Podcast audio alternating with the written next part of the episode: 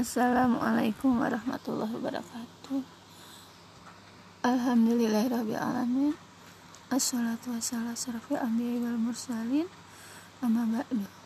Segala bagi bagi Allah Hari ini kita bisa bertemu di podcast. Dan hari ini hujan ya.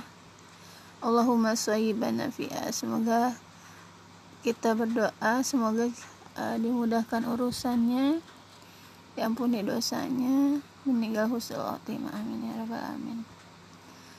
Ya tetap takwa.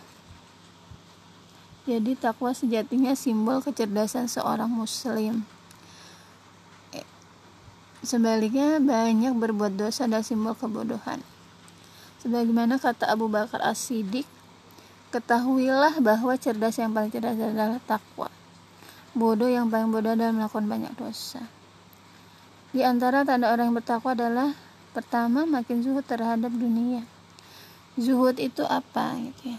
Imam Hanbali rahimahullah berkata zuhud itu ada tiga jenis. Pertama meninggalkan keharaman, zuhud. Kedua meninggalkan perkara mubah atau yang tak bermanfaat. Yang ketiga meninggalkan segala perkara yang menyebutkan dari upaya mengingat Allah. Yang kedua, senantiasa bersemangat untuk bersaing dengan orang lain dalam perkara akhirat. Imam Hasan al-Basiri rahimahullah, jika engkau menyaksikan orang-orang berlomba atau bersaing dalam urusan dunia, maka berlomba berlombalah dan atau bersainglah dengan mereka dalam urusan akhirat. Sebabnya dunia mereka itu bakal pergi, sementara itu kekal abadi.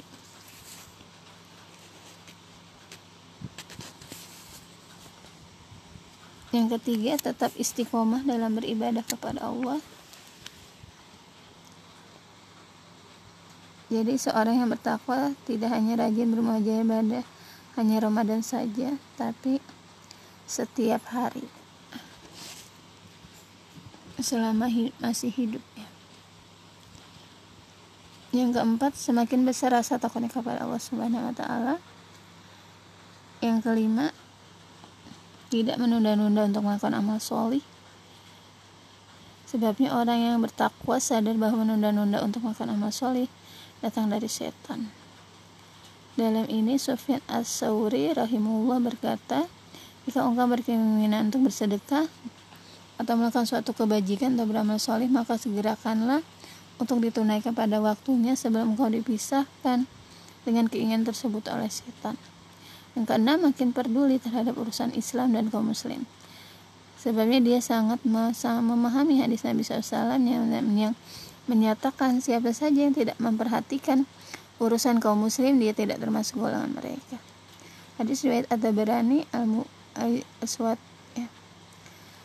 Sehingga karena itu kita penting meneladani generasi salafis solih yang begitu tinggi kepedulian terhadap Islam dan kaum muslim.